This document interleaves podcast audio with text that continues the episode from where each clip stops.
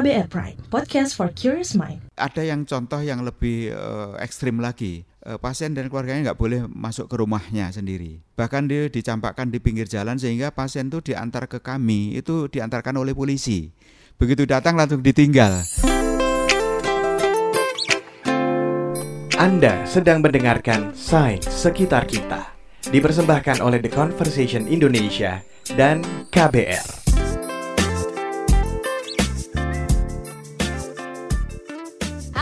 Kita ketemu lagi di Sains Sekitar Kita. Kita masih terus membahas tentang para peneliti dari Indonesia dan tentunya hasil penelitian mereka. Dan seperti biasa, saya masih ditemenin sama Lutfi Zulfikar dari TCID. Halo Lutfi, how are you? Halo Naomi, uh, I'm good. Uh, kamu sendiri gimana kabarnya? Baik dong. Oke, okay. anyway sampai hari ini ya uh, kita udah ngerekam berapa episode sih? Ini episode ketujuh ya. Yes. Nah kita masih dalam suasana waspada ya sama COVID-19 ini.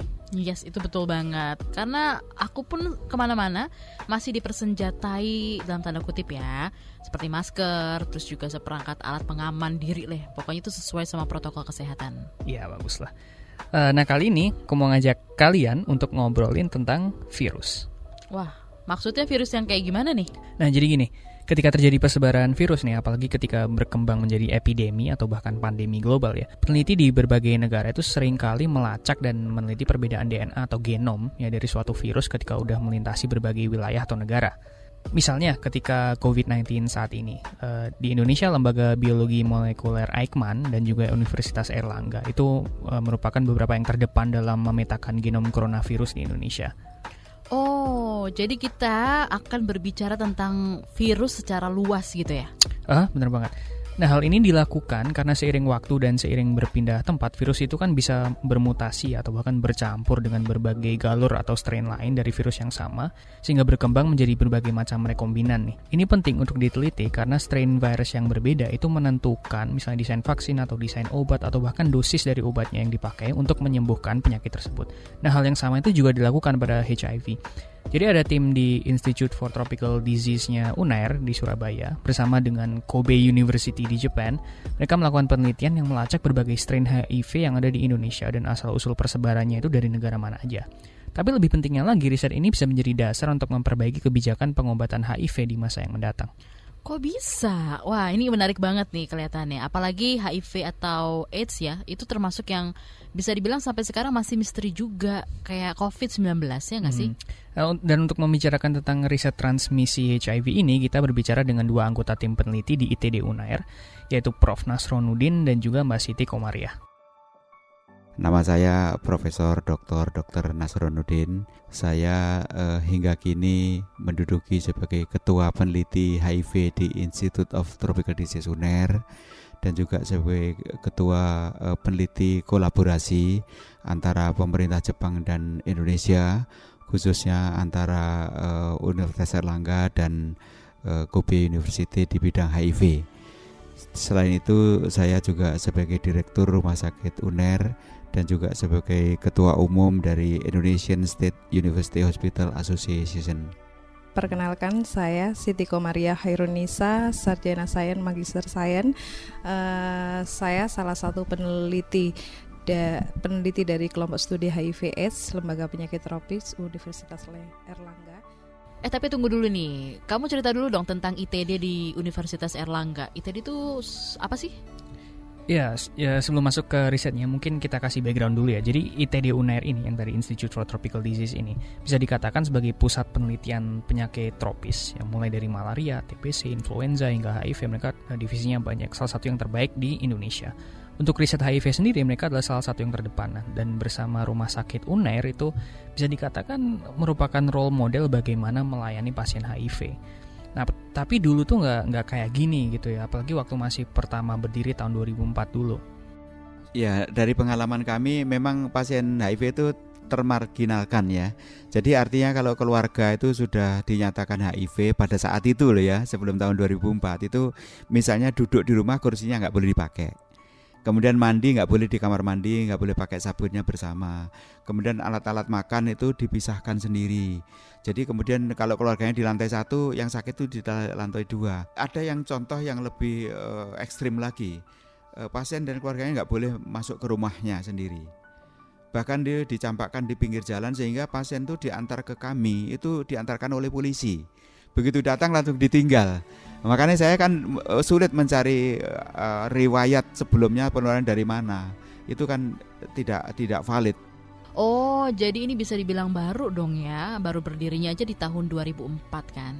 Eh, berarti sekarang udah 16 tahun yang lalu. Terus 16 tahun yang lalu tuh apa aja yang sudah terjadi?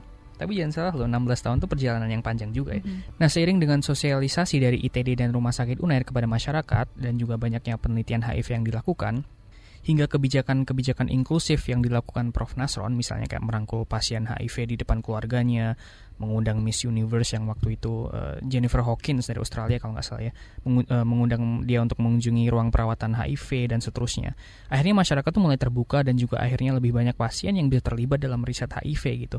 Nah, fast forward sekitar 16 tahun kemudian, uh, ITD UNAIR uh, kini sebagai uh, salah satu lembaga penelitian terdepan untuk HIV di Indonesia dihubungi oleh Kobe University untuk suatu kesempatan riset. Nampaknya ternyata berdasarkan beberapa penelitian yang sudah dilakukan sebelumnya, ada anomali pada karakter gen HIV yang ada di Indonesia nih. Lutfi, aku pernah denger ya, tapi please correct me if I'm wrong ya.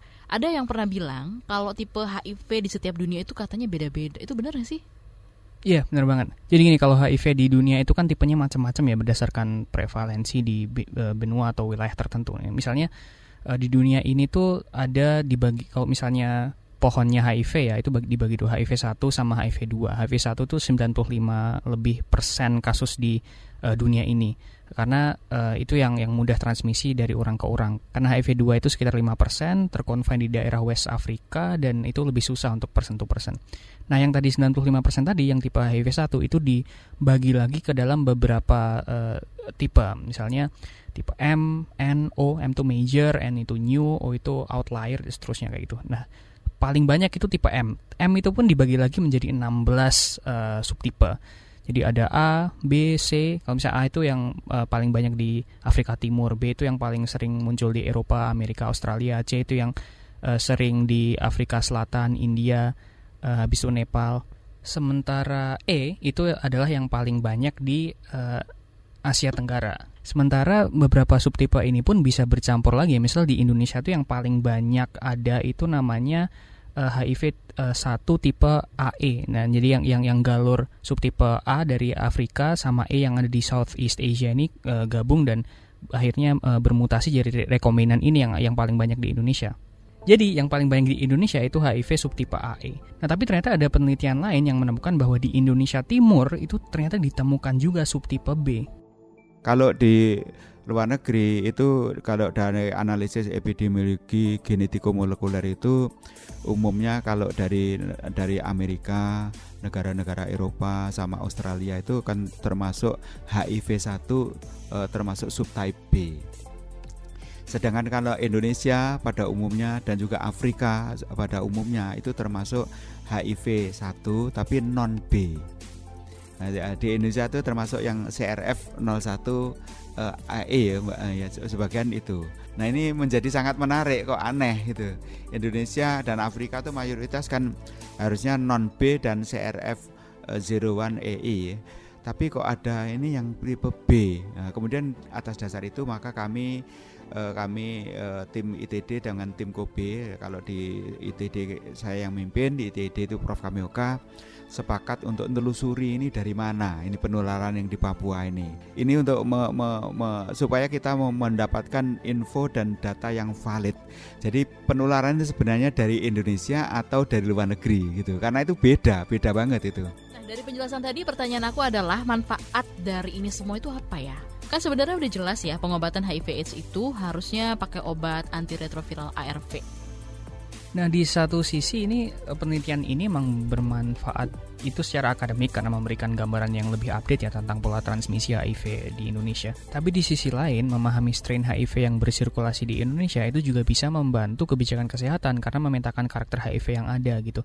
Nah misalnya nih ini bisa membantu tenaga kesehatan untuk mencegah transmisi HIV sampai kebijakan pemberian treatment HIV yakni obat retroviral tuh eh, baiknya seperti apa, dosisnya seperti apa dan seterusnya. Nah tadi penelitian ini kan dilakukan oleh tim Unair dan Kobe University ya. Intinya langkahnya gini, pertama Mereka ngambil sampel dari pasien HIV dari berbagai wilayah di Indonesia. Terus kedua, mereka melakukan sequencing atau memetakan urutan genom dari sampel yang udah diambil. Dan yang ketiga, uh, mereka melakukan berbagai analisis mulai dari analisis filogenetik sampai analisis Bayesian. Intinya teknik-teknik bioinformatika untuk mengetahui relasi dan kedekatan strain yang dimiliki dalam kayak pohon keluarga HIV. Gitu. Oh gitu. Terus terus uh, apa nih yang menarik yang ditemuin sama tim gitu? Nah ada beberapa hal yang menarik nih, tapi aku jelasin setelah pesan-pesan berikut ini. Anda sedang mendengarkan season kedua dari Sains Sekitar Kita. Jangan lupa untuk dengarkan season pertama dari Sains Sekitar Kita di KBR Prime dan juga platform podcast lainnya.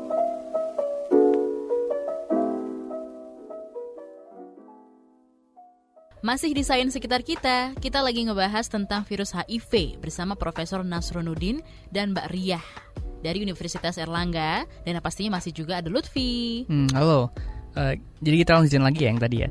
Tadi kan uh, kamu nanya tentang hal, hal menarik yang ditemukan sama timnya Prof Nasron kan ya? Iya, apa nih? Bikin penasaran aja. Nah, yang pertama nih, adalah terkait bagaimana HIV masuk ke Indonesia dan strain apa aja sih yang bersirkulasi di sini. Nah sebelum ini kan e, karena peneliti percaya bahwa subtipe yang dominan di Indonesia itu kan adalah AE ya. Maka harusnya rute penyebarannya adalah dari Afrika. Nah, eh, tempat pertama muncul HIV itu dipercaya adalah Kinshasa atau sekarang di Democratic Republic of Congo. Habis itu e, dibawa oleh migran Meksiko ke Haiti, habis itu ke Amerika, terus ke Afrika lagi baru ke Indonesia nih. Nah, tapi karena penelitian ini mengkonfirmasi bahwa ternyata ada subtipe lain, yaitu subtipe B di Papua, padahal B itu harusnya dominan di Eropa atau Australia, jalur masuknya ke Indonesia kemungkinannya menjadi lebih banyak lagi nih. Begini Prof. Nasron menjelaskannya. Uh, akhirnya secara singkat itu di, didapat info, didapatkan suatu bukti bahwa HIV itu pertama memang dari Kinsasan Afrika kemudian dibawa ke Haiti oleh eh, penduduk Meksiko yang migran. Kemudian dari Haiti itu uh, berpindah atau terbawa ke USA. Kemudian dari Amerika itu bisa direct ke Papua, ke Indonesia ke Papua itu bisa indirect melalui beberapa negara di Eropa, dari beberapa negara Eropa baru ke Indonesia ke Papua itu atau uh, dari uh, USA tadi ke Asia. Ke Asia itu berputar antara Cina dengan Thailand atau Thailand dengan Cina itu terjadi putaran begitu. Kemudian dari situ uh, tertransmisikan ke negara-negara tetangga termasuk ke Malaysia ke uh, kepada uh, Vietnam dan juga Singapura dan juga di Indonesia. Jadi uh, ternyata Uh, tidak ada kaitan antara Australia dengan Papua padahal kan dari segi geografis kan dekat itu. Ternyata itu tidak. Jadi itu yang kemudian kami lakukan Nah, kalau temuan di atas sendiri mungkin kontribusi besarnya lebih ke mengembangkan wawasan para ilmuwan ya tentang persebaran HIV di Indonesia. Tapi ada temuan lain dari tim yang punya dampak besar terhadap kebijakan kesehatan. Wow, apa tuh? Nah, dalam perjalanan mereka melakukan sequencing atau pengurutan genom tadi untuk mendeteksi subtipe B, eh, tim menemukan beberapa insight menarik tentang tingkat resistensi pasien HIV di Indonesia terhadap obat ARV atau antiretroviral.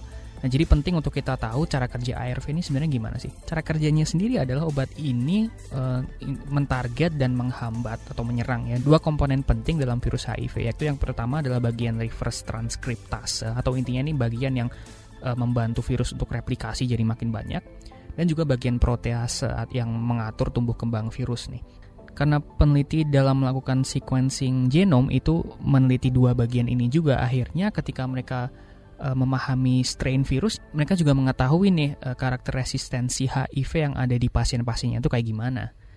Uh, obat ARV sendiri ini harus diminum rutin ya tiap hari uh, secara teratur kalau enggak resistensi itu bisa terus menguat gitu.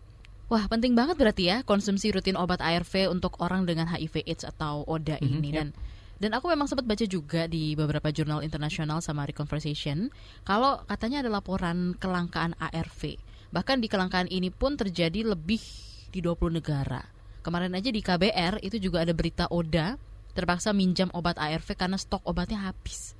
Eh Lutfi, tapi aku juga pernah dengar ya, katanya HIV itu bisa bermutasi sampai akhirnya jadi bisa punya resistensi yang beda-beda. Itu itu persisnya gimana sih? Hmm, ya benar dan dan apa uh, mutasi ini yang yang terkait dengan temuan uh, dari timnya. Jadi kan HIV itu bisa transmisi, artinya virus HIV ini bisa berubah menjadi berbagai rekombinan sehingga tiap kelompok pasien itu bisa punya karakter yang dua bagian tadi ya, reverse transkriptase dan protease yang beda-beda. Artinya resistensi terhadap ARV-nya pun bisa beda antar pasien gitu. Nah, dalam proses pemetaan genom yang menentukan strain HIV tadi yang udah dijelasin tadi, tim itu kebetulan meneliti dua bagian ini gitu. Nah, dalam proses pemetaan genom ya atau sequencing tadi yang untuk menentukan strain HIV tipe B tadi yang udah dijelasin, tim peneliti kebetulan mengamati dua bagian ini. Kita ingin tahu uh, tingkat resistensi yang ada di Indonesia seperti apa. Jadi kita cek juga selain subtipe di daerah protease dan reverse transcript, kita juga cek resistensinya seperti apa. Nah, berarti kan ketahuan tuh jenis strain HIV di Indonesia ada apa aja gitu. Dari situ bisa dipelajari dan ketahuan juga karakter resistensi tiap pasien. Nah, ini memudahkan pembuat kebijakan dalam menentukan pemberian obat ARV yang tepat bagi setiap pasien yang ditangani itu seperti apa. Oke, nah itu tadi kan dua temuan utama dari riset ini selain mengupdate wawasan akademik terkait gimana transmisi HIV masuk Indonesia, selain yang udah dijelaskan tadi juga, ada nggak sih penemuan lain yang terungkap di penelitian ini? Nah, pertanyaan bagus tuh Naomi. Uh, kalau Maria menjelaskannya gini. Uh, selama ini untuk uh, pemberian uh, terapi antiretroviral uh, dari klinisi ke pasien, uh, klinisi hanya mengacu pada uh, standar dari WHO, ya dari gejala klinis dan dari sisi labnya. Dari sisi lab hanya pengukuran viral load dan CD4. Sedangkan uh, kalau menurut kami untuk uh, mengetahui efektivitas dari suatu ARV itu adalah uh, si ARV itu sudah resisten atau belum. Makanya kita cek uh, resistensi ARV pada pasien yang sudah maupun yang belum. Yang belum kenapa kita cek juga karena e, ditakutkan pasien itu sudah tertular oleh virus yang memang sudah resisten terhadap obat yang mau dikonsumsi. Nah, yang tadi dijelasin sama Mbak Ria itu tadi nyebut viral load itu kan e, itu ngukur e, seberapa banyak sih partikel HIV e, di dalam 1 ml atau cc darah. Kalau misalnya 100 ribu itu udah masuk stadium 4 HIV-nya. Yang kedua adalah CD4 tadi disebut adalah uh, seberapa banyak CD4 atau ini semacam uh, apa ya tipe sel darah putih uh, itu ada di dalam tubuh gitu. Kalau orang yang sehat itu sekitar 500 sampai 1600 per kubik milimeter di dalam darah. Nah, dari penelitian ini bagus dong. Apalagi ini bisa pengaruh juga sama kebijakan gitu ya. Terus apa yang disarankan sama tim ITD ini untuk pemerintah?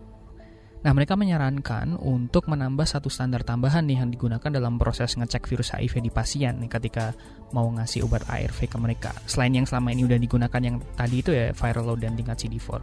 Dari situ mungkin uh, ada metode baru selain uji viral load CD4, ada uji resistensi yang bisa diterapkan di Indonesia sebelum uh, dokter memberikan ARV kepada pasien. Ini untuk pemegang kebijakan sangat penting sekali sehingga dokter sebaiknya punya dokumen tentang status resistensinya. Kalau resisten ya jangan diberikan obat itu gitu loh. Bisa dipilih yang lain hmm, di tingkat sederhana ini tuh kayak kalau kita ke dokter gitu ya terus ditanya kamu alergi obat apa? Gitu kali ya. Jadi sementara kan uh, kita bisa jadi. iya kan sementara kita juga rata-rata nggak tahu juga kita alergi sama apa gitu kan. Nah, jadi kalau resistensi terhadap obat ARV ketahuan, jadi orang yang dengan HIV AIDS atau ODA ya, itu bisa juga terus hidup dan berfungsi walaupun mereka mengidap HIV AIDS gitu ya.